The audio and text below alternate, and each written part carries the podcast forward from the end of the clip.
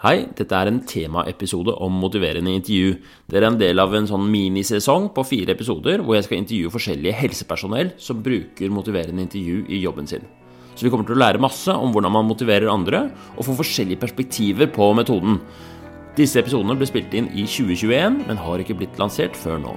Dette er et intervju med psykiater og overlege Mette Svalastoga, som bruker motiverende intervju systematisk på psykiatrisk døgnavdeling.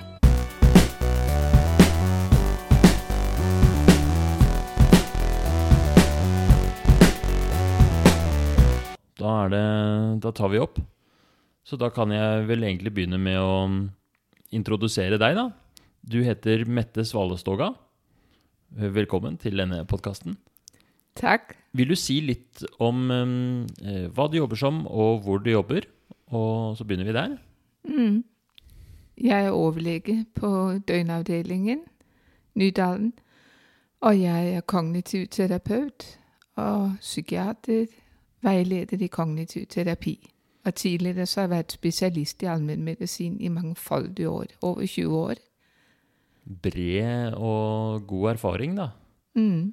Grunnen til at jeg har invitert deg på dette intervjuet, det er jo fordi vi har en pasient sammen eh, som er innlagt da på denne døgnavdelingen, og som jeg følger eh, til vanlig når han bor hjemme. Og så så jeg på notatene at du hadde gjort motiverende intervju med denne pasienten.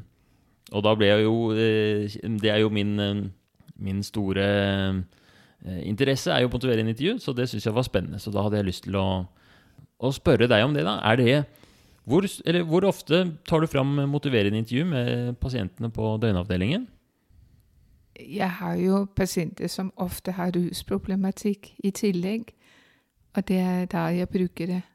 Og ofte så syns jeg jeg får bedre kontakt med hele problemstillingen under oppholdet ved å starte med det. Så det har jeg i grunnen vent meg til, å, å bruke flip-over og, og starte med helt konkrete ting. I Hva- forbindelse med miljøterapien også. Hva slags um, avdeling er det det er? Hva, er det, hva slags pasienter er det dere som regel ser?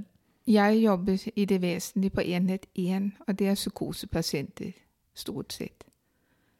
De, vi server jo akuttavdelingen og Dikemark, og så er det noen som blir henvist også fra vi har, Jeg har alle som er i psykoseplassen hos oss, og så er det noen som blir henvist fra fastlegen, og fra poliklinikken og FACT. Ja, og psykosepoliklinikken Mm. hører jo sammen. Ja. ja.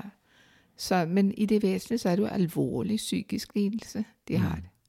Det er pasienter, og de har ofte kroniske og langvarige problemstillinger. Ja, de, er, det, de har øh, vært innlagt flere ganger tidligere. Så ofte så må man ta det opp som man var igjennom forrige gangen også. Og så jobbe videre med det. Og så er vi så heldige at vi har fått lov av eh, vår felles pasient å dele litt fra, fra det motiverende intervjuet, eller det motiverende intervjuprosjektet som dere har på gang. Eh, Så du har med noen flotte sånne flip-over-ark som vi skal eh, gå litt gjennom. Um, vi trenger jo ikke å si så veldig mye om pasienten. Det er ikke nødvendigvis relevant, men det er i hvert fall en pasient som har paranoid schizofreni. som har En alvorlig psykoselidelse. Så ved innkomst så tas det audit og dudit. Og da vil man jo se om det er problemer med begge deler, eller om det er noe altså, Her i, i det vesentlige så her er- det et veldig hardt rusmisbruk med forskjellige medikamenter. Ikke sant? Det er amfetamin. Mm. Amfetamin, kokain, hasj. Mm. Ja. I det vesentlige. Ja. Ja. For å komme opp og for å komme ned. Ja.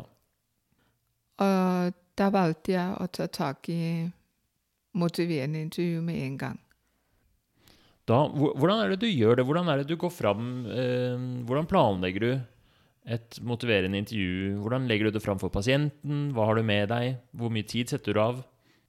Så jeg forbereder meg på forhånd. Så på forhånd så har jeg skrevet opp de der rubrikkene 'fordeler ved å bruke rusmidler', 'fordeler ved ikke å bruke rusmidler', altså ulemper og ved å bruke rusmidler, og ulempe ved ikke å bruke rusmidler, og lage disse firkantene. Ja. Sånn at det er veldig synlig. Og så starter jeg med å konsentrere meg om hva han mener om hva er det fordelene for han.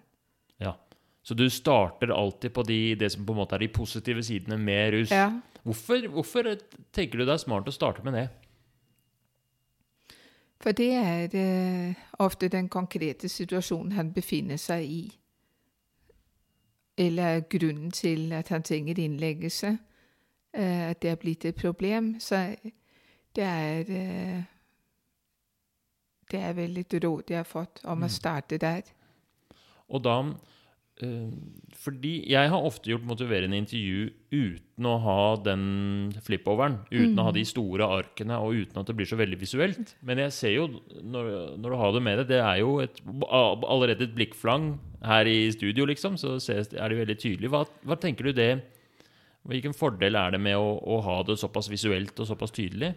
Men det er min erfaring. Men de fleste av mine pasienter kan det å lytte til noe og ikke ha noe konkret å se på, at vi ser på noe felles, eh, det har veldig mye å si. Så jeg benytter meg veldig mye av det visuelle. Mm. Det gjør jeg. Og så ønsker jeg jo helst at de skal stå med tusspennen Ja. og skrive selv. Sånn Det er ikke Jeg ser på den jeg har tatt med i dag, så er det min skrift. ja. Og det i seg selv det gjør at det er litt sånn halvveis. Du er ikke helt fornøyd med det? Ikke helt Mm. fornøyd, fordi jeg ønsker at de skal skrive akkurat sånn som de ønsker å skrive det. Så hvis Men det det er er hans, hans ord. hans ord som er står det. på rubrikkene. Ja. Men hvis, så hvis det er en er en, eh, en fastlege som har lyst til å gjøre motiverende intervju med en pasient, så eh, må han bruke en, en, sånne, en stor flipover med store ark, eller er det greit med et lite A4-ark, eller hva tenker du om det? Hva som helst. Som det helst. som man har for hånden. Mm. Jeg har jo whiteboard på mitt kontor, og det bruker jeg ofte. Men det med whiteboard, det er jo at du må Altså, det er begrenset hvor mye eh, du kan viske ut også. Så Ja. det der, når man har flere pasienter, så kan det være veldig greit å bare at de får det med seg hjem, og så teiper de den, eller på avdelingen, så teiper de det på døra, bak døra, Ja. ser på den, tar bilde av den på mobil, har den på mobilen. Fordi når det, da blir det en sånn plakat de kan ha med seg. Sånn. Ja, og så jobber vi videre med den. Ja. Finspisser. Det kan jo finspiser. endre seg underveis også. Ja. Særlig den nederste rubrikken med ulempe ved ikke å bruke rusmidler. Den kan ofte være helt blank. Første møte. ja. Eh, sånn helt spørsmålstegn. Og Det er da ingen ulemper med det, tenker man kanskje. Og det er jo vel, ville vært Ja. bare bra hvis jeg Men så Og det er jo ofte da at det er sånn Hva slags nettverk blir det igjen da? mm, Hvis ikke jeg kan være sammen med mine rusvenner. For eksempel det, ja. Ikke sant? Og det er der vi må sette inn alternativer. Mm. Hva kan de ellers gjøre? Det er jo ikke lett å erstatte i løpet av tre-fire uker. Nei. Så du, de, du, dere har ofte en tre-fire ukers innleggelse. Ja. Og hvor mange samtaler har du i løpet av den perioden? da? I helt sånn vanlig forløp, da er det ment at det skal være én behandlersamtale i uken. Og så har vi miniteam, og jeg også er en del av teamet. Men du kan si dette her er ofte noe som man gjør helt i starten. Ja. Etter innkomstsamtalen, og så første. Og så er det hele tiden at man, eh, man tar det opp, fordi da, da har vi virkelig noe å snakke om. Ja. Og så er det kognitiv atferdsterapi som kjører parallelt med det. ja. Mot Så psykoselidelser. er det Når du har både kognitiv atferdsterapi, sikkert litt psykoedukasjon der også, Ja. og motiverende intervju, er du redd for at det blir for mye for pasienten, eller opplever du at det går fint? Jeg synes, altså Kognitiv atferdsterapi det kan jo være så mangt. Altså det, det gjelder det, ved å gjøre noe. Og i miljøterapien der er det veldig mange faste aktiviteter. Fysisk aktivitet, trening. Før koronatiden så var det også matlaging, men det er quiz. Det er jo, eh, jeg går ofte terapiturer med mine pasienter. Øh, så det blir litt sånn at man skreddersyr for hver pasient. Hva, hva tror jeg passer for denne? Mm. Så det, det øh, Døgnet har jo 24 timer, så egentlig så, så tror jeg ikke det blir for mye. Nei. Nei. Spennende. Skal vi gå gjennom eh, denne Jeg hadde en, en som har vært pasient, da, som kalte det ambivalensfirkant. Mm. Eh, denne firkanten med fordeler og ulemper med å bruke rusmidler og ikke bruke rusmidler. Ja, det skjønner jeg veldig godt, fordi det er jo ambivalens som vi jobber med. Mhm. Mm. Ja. Og da startet dere øverst til venstre her, så er det fordeler med å bruke rusmidler. Der har han skrevet eh, rus. Han har skrevet at det er en meningsfull aktivitet. At han slapper av, føler meg bedre. Selskap. Da tenker han på at det er sosialt, da, at han gjør det sammen med venner. venner. sammen med naboen. Mm. Mm. Tenker ikke på noe annet. Sosial tilhørighet. Kontroll over tanker og følelser. Det var litt interessant at han føler at når han ruser seg, har han kontroll over tanker og følelser. At det er litt sånn medisinering for han, da. Ja, at det blir roligere. Var det noen av disse tingene han, at du ble overrasket over, eller som du stusset over, eller Jeg husker at øh, den, det med rusen, det kom veldig sent. Å ja. Og, og det er ganske åpenbart at man ruser seg fordi det rus oppleves godt og som en rus. Men, men den kom veldig sent. At han ruser seg fordi det gir rus. Det med sosial tilhørighet, det tenker jeg, det er, det er nok min, øh, min setning der. Ja. Ja. ja fordi, Det altså, er ikke hans språk. Nei. Men altså, fordi dette er jo en pasient som jeg tenker med en gang er veldig utfordrende å ha motiverende intervju med. Han, han har ganske begrensa norskkunnskaper. Han har et eh, han, eh, han er en, på en måte en enkel sjel, da. Han har ikke et stort ordforråd eller en sånn eh, Han er ikke så veldig verbal av seg. Og så er han nok litt preget av negative symptomer på sin schizofreni også. At han Ja. mangler initiativ og fleksibilitet i, i, i samtalen og sånn. Så er du da um, I hvor stor grad eh, hjelper du ham, på en måte? Kommer du, med, kommer du med tips, eller kommer du med sånn forslag? Hva med det, hva med det? I den første, der gjennomgår jeg der. Men først har jeg vist rustrappa. Ok. For dette her er jo en prosess. Sånn at, at uh, hvis man ser litt på Altså helt øverst på den trappen, så motivasjonen Han ønsker jo å slutte med rus. Ja. Vi kan, skal vi gå gjennom den rustrappa? For den var faktisk ny for meg. For du har med en, et stort ark til, som nå i studio henger ved siden av det, denne ambivalensfirkanten. Og der står det 'rustrappa', og så er det bilde av en trapp. Hva, hva er egentlig rustrappa, og hvor kommer, hvor kommer den fra? Den kommer fra en arbeidsbok for behandlere eh, for rus. Altså rusmestring, Mm. som jeg kjøpte for mange år siden. Og da er det disse risikosituasjonene nedover trappen. Starte helt øverst der oppe. Mest et liv uten rusmidler. Og så, så er det visse eh, Altså visse av de meningsfulle aktivitetene som man må prøve å bygge opp også under en innleggelse. God søvn, regelmessige måltider, følge opp behandlingen. De vennene man har, at man skjønner at noen kan være direkte eh, varselsignaler til en, nysprekk. ny sprekk. Bare ved å møte de, så vet man nesten at da blir det en sprekk i dag. At, eh, at de blir seg bevisst om de og de tingene som kan, kan eh, forårsake sprekker. Og at det er fullt mulig å snu Mm. i løpet av den trappa. Så, At det behøver ikke at det er ventelig at det skjer sprekker og tilbakefall, og det er veien tilbake, to skritt frem. Sånn er det det går fremover.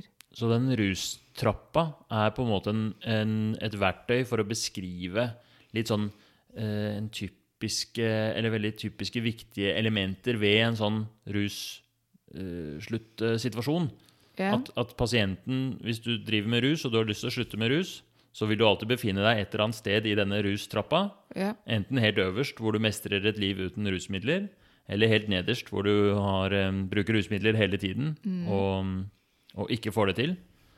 Og at ved å liksom eh, klare å bestemme hvor er du i trappa, så kan du se altså Hvis jeg er her at jeg har nettopp hatt en sprekk, og jeg tenker veldig mye på rusmidler, så, så hjelper det å liksom se på det som en trapp, da, at man skal gå Ja. ett skritt av gangen. Ja. Og det å si Altså, han klarte jo i oversikten, der motiverende intervju, så klarte han jo å si han hadde russug. Og det er i seg selv veldig viktig for oss å vite. For da kan vi snakke om det, og miljøkontaktene kan snakke om det istedenfor at de går ut og ruser seg. Nemlig. Eller- Så det å få fram dette russuget og skape For det er kanskje ikke alle som er så bevisst på det heller. At, men, men det, så det er eksempel på når du går gjennom motiverende intervju, så spør du Hvis de ikke kommer med russug selv, så spør du spesifikt etter det. Ja. Så øh, det der med å, å tørre å være helt ærlig også, det eh, Vi håper jo at, at det er tillit, eh, sånn at, vi, de kan si når de har sprukket og øh, brukt rusmidler det, Vi har jo en avdeling hvor det, de får ikke lov å bruke rusmidler, men det er, det er fint likevel når de kommer inn og sier at de har røkt hasj. Og så, så vet vi hva Ja. det handler om. For det må være litt vanskelig hvordan man løser det, fordi på én side så eh, Fordi hvis de har røyket hasj Hvis de har vært på en tur, og så kommer de tilbake og har røyket hasj, Ja. må de da dra hjem Nei, da holder de seg på, på rommet. på rommet? Ja.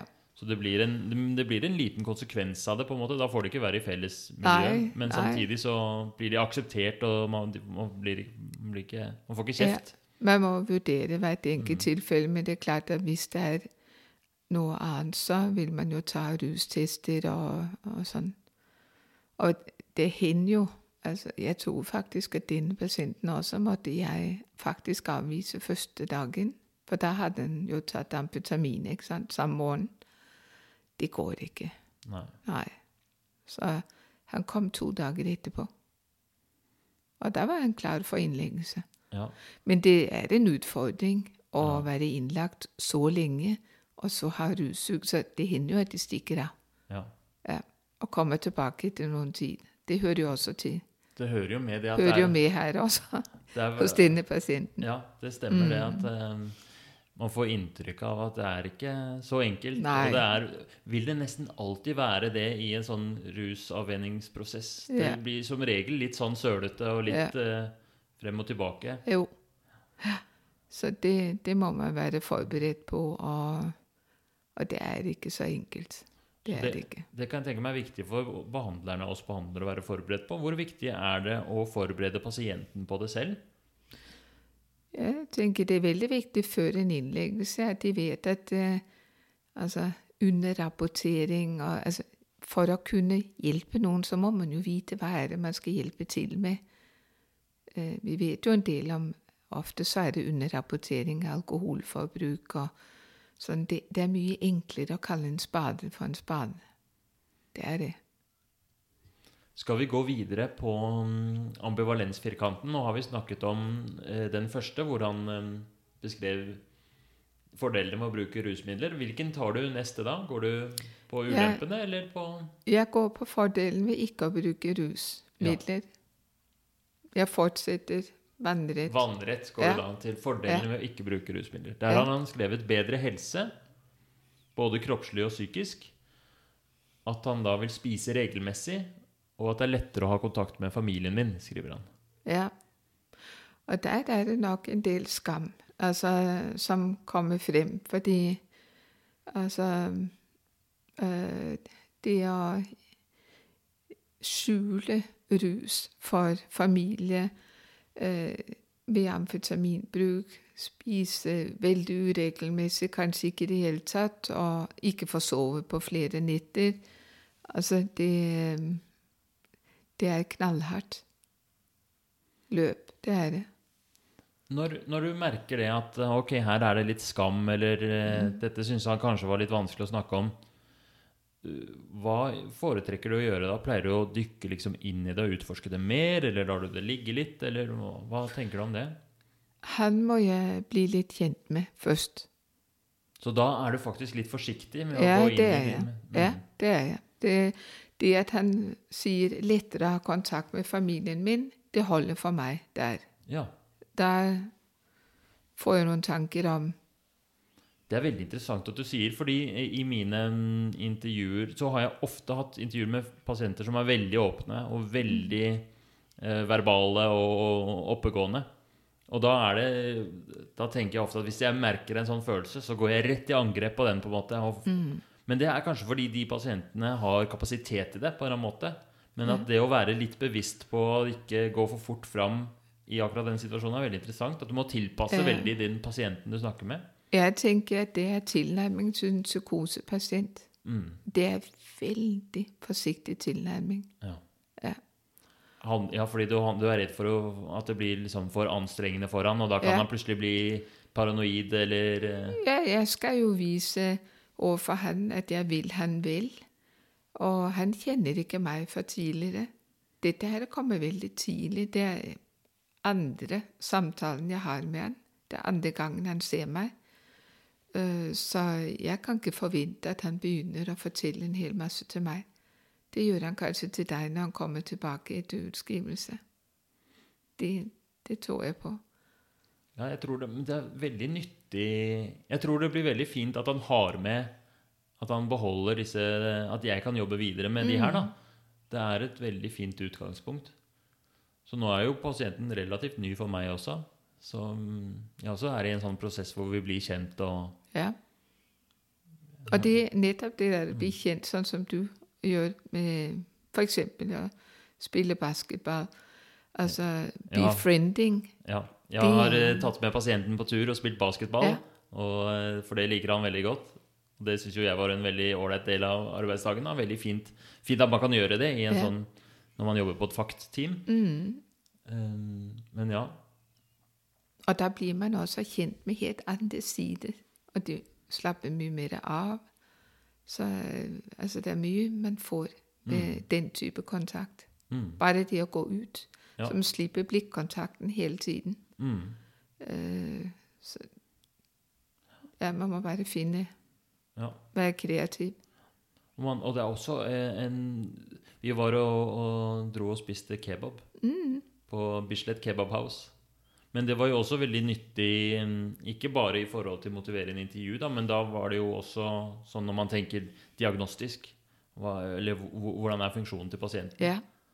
For her Altså, han Det var jo vanskelig for han å få til den bestillingen, fordi han hadde ikke kort og slet med mobilvips. Hvordan ja. og, og, og, til, se hvordan han forholdt seg til han bak disken og sånn. Ja, det, veldig, det er kjempenyttig å se mm. eksponeringen der. Mm. Det syns jeg vi har en Ali-kafé ikke langt unna på Lovisenberg. Og der, der, bruker vi å gå inn også, sånn på sånn treningsterapitur. Så kan man ta en takeaway, kaffe mokka eller te eller noe sånt, ikke sant? og ta med seg.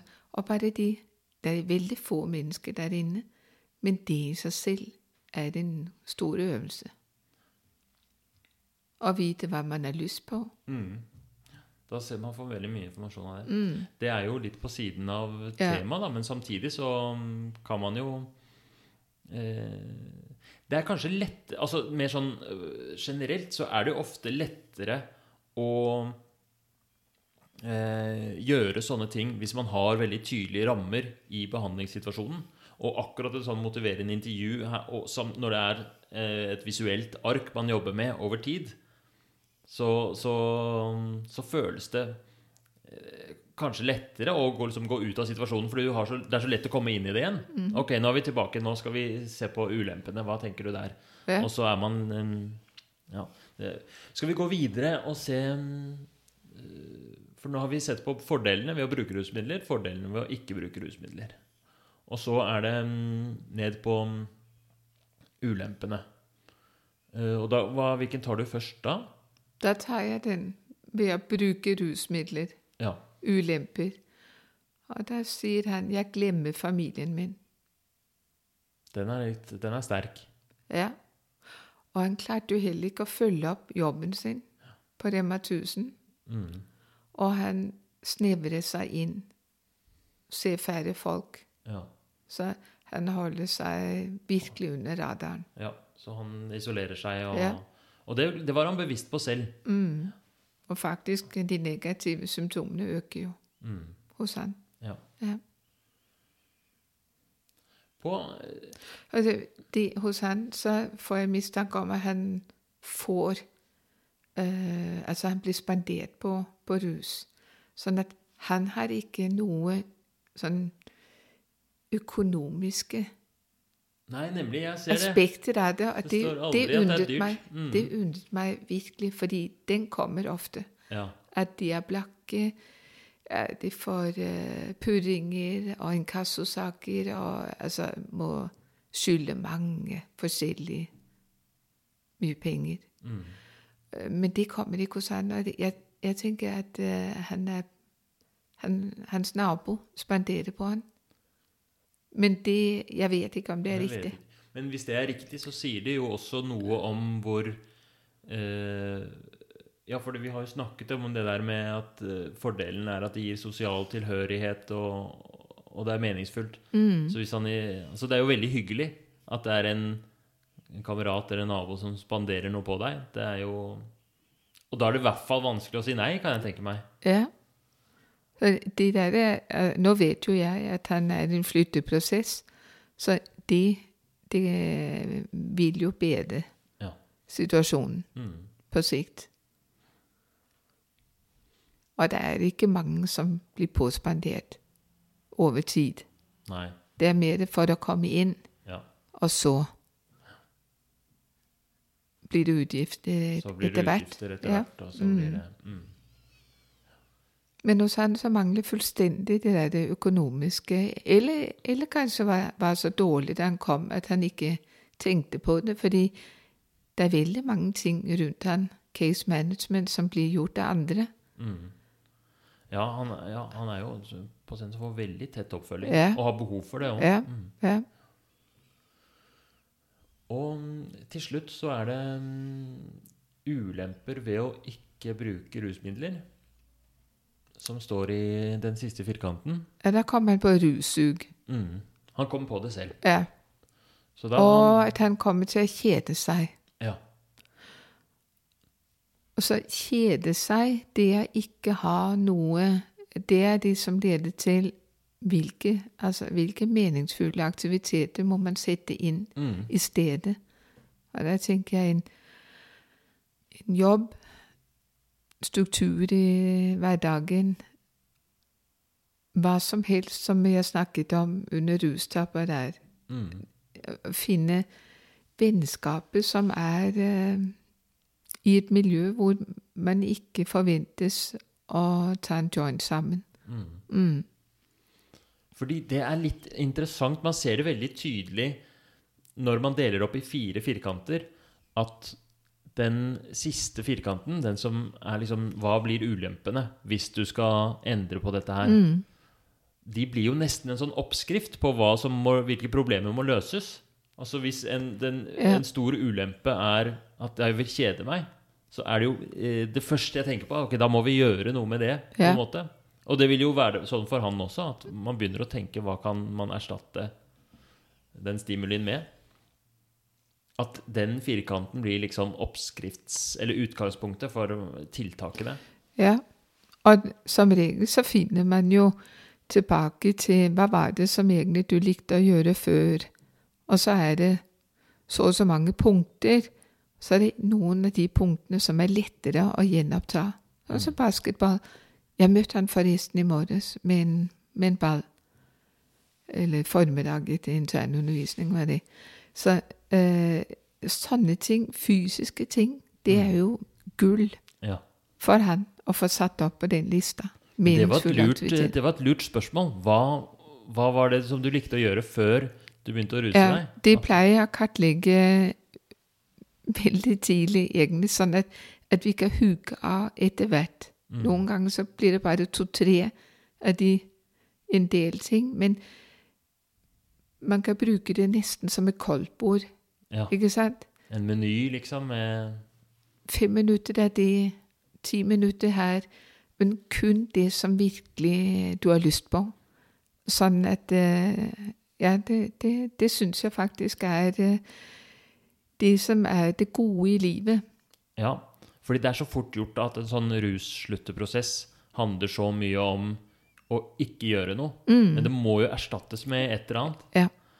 Og da var det veldig lurt eh, Jeg har ikke tenkt på akkurat den formuleringa før, men at du spør hva var viktig for deg før, og så lage en sånn liste. Ja. Og ha det som utgangspunkt i hva man kan erstatte det med. Ja, jeg har jo en her, øh, en annen øh, oversikt, og, og hun har veldig mange ting som hun liker å gjøre. Ja, skal vi ta Og det fram det? det og, ja. Det er en, en annen pasient som eh, har uh... Men øh, altså, hun er sånn som tar masse fag, og under Ja. innleggelse så klarer hun å ta eksamen. Uh, men rusen ødelegger ah, veldig.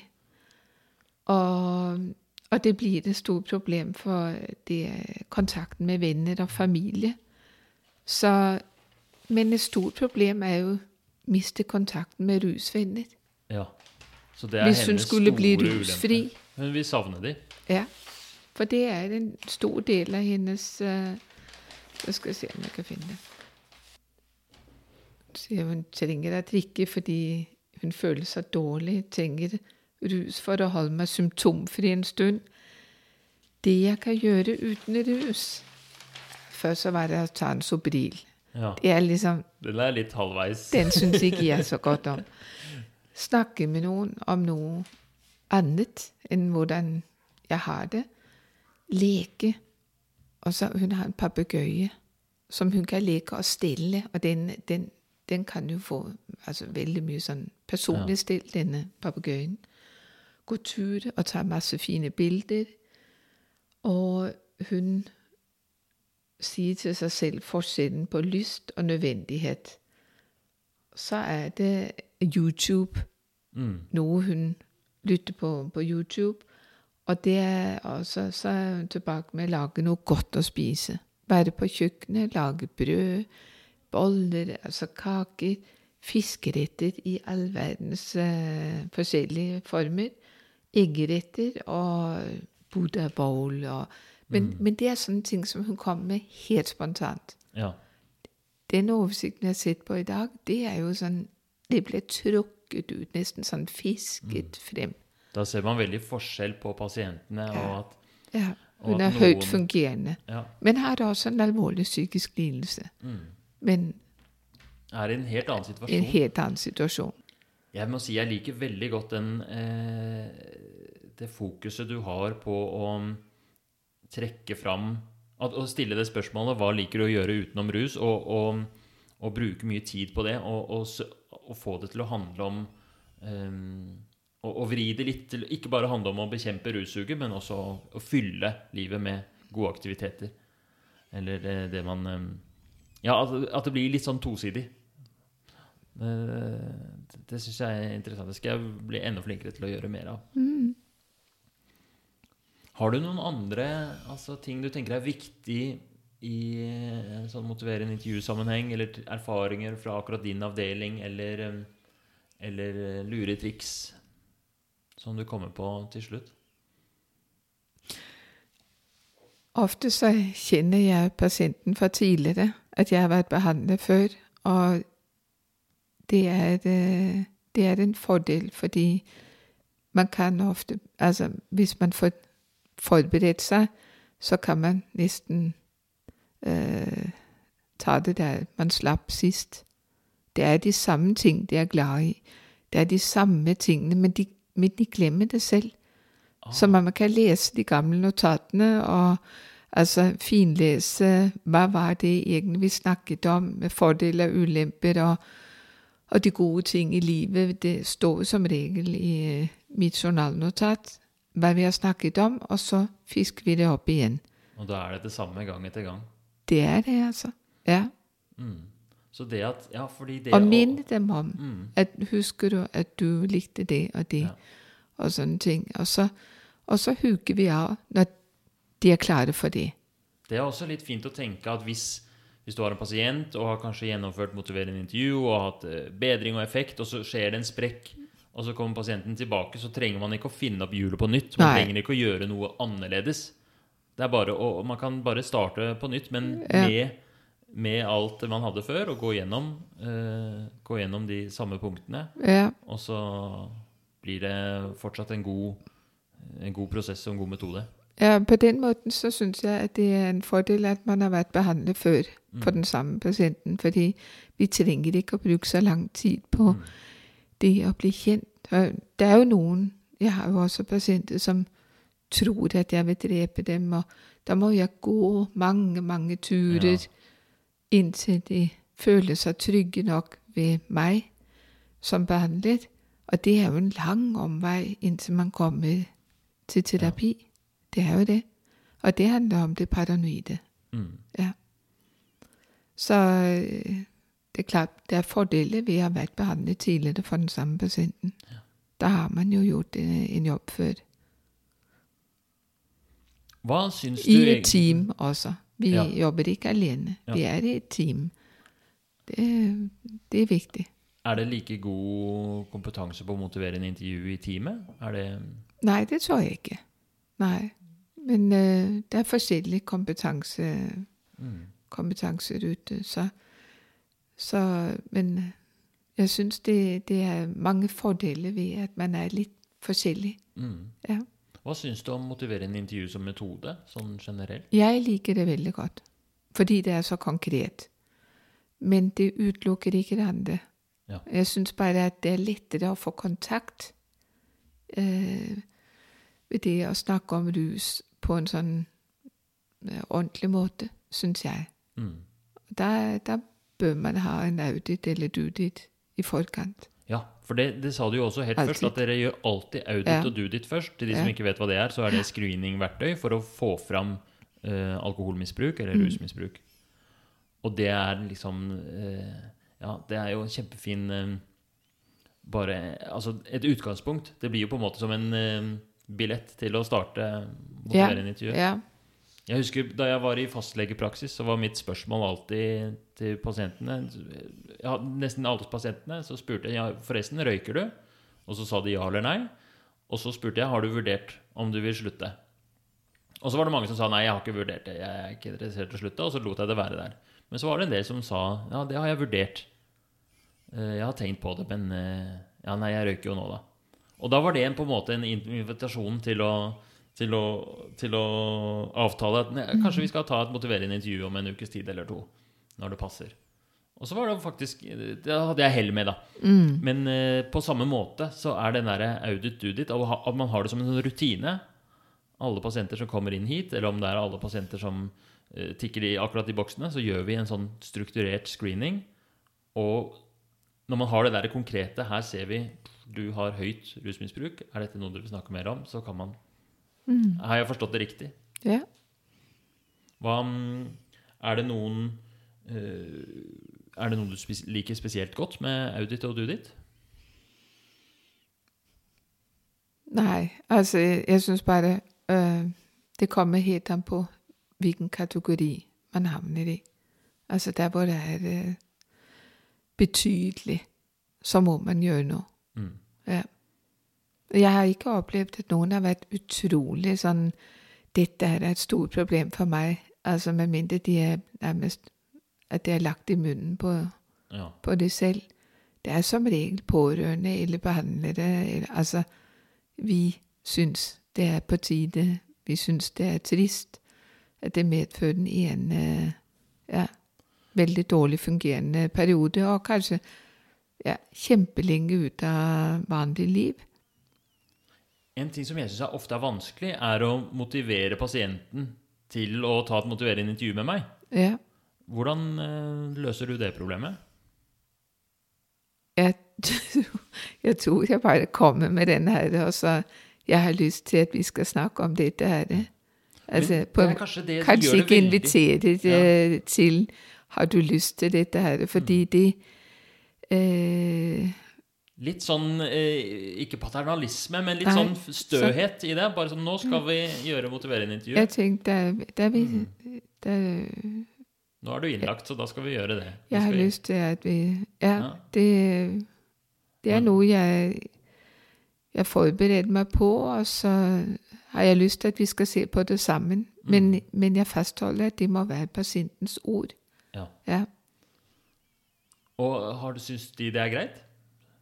Ja. Mm. Nei, altså, jeg har merket at nettopp det der konkrete, det har vært greit. Også for unge menn Mm. som har hatt rus i mange år. Og så, så blir det så veldig konkret for dem. Mm. Altså, det er jo visuelt. Mm. Sånn eh, Gjør en audit ved innkomst, eller en du, og en dudit. Og så er det noe rusk der, så sier du nå skal vi gjøre et motiverende intervju. Ta fram inn din store flip-over, tegner eh, firkanter og setter i gang. Og så blir det en god opplevelse. Har du noen um, Du har ikke gjort noen erfaring med hvor, hvor- godt det virker? Hva slags effekt det har? Det, det er nok med på å skjerpe øh, bevisstheten under innleggelsen. Men det går sjelden så bra etter utskrivelse. Da er det jo helt andre ting som tar over. Og da blir det mange timer å kjede seg hvis ikke det er iverksatt, eller hvis det nå hvor det er lockdown på veldig mange aktivitetssentre. Altså, øh, man er helt avhengig av at det der også kobles på Ja. underveis i forløpet. Ja, for den pasientgruppen her så er det man, man må ha noen skikkelige tiltak, og gjerne sånn aktivitetsretta tiltak Ja. ved utskrivelse. Eller eh, noen som altså treningsstøtte eller ja, psykisk helsearbeid, men det er én time i uka. Ja. Det er mange flere timer enn Ja, men det er jo det. det. Ja. Så det å unngå å kjede seg, da må man ha jobbet med alle de tingene som er det gode i livet. Ja. Nei, dette her syns jeg var både spennende og inspirerende. Tusen takk for at du har stilt opp. Og så tusen takk til pasienten takk. som, eh, som var villig til å dele med oss Mm. eh, og vise fram sin ambivalensfirkant og la oss fortelle. Og så håper jeg dere som hører på, fikk noe ut av det. Og eh, lykke til med å bruke nei, motiverende intervju i deres hverdag videre. Ha det bra.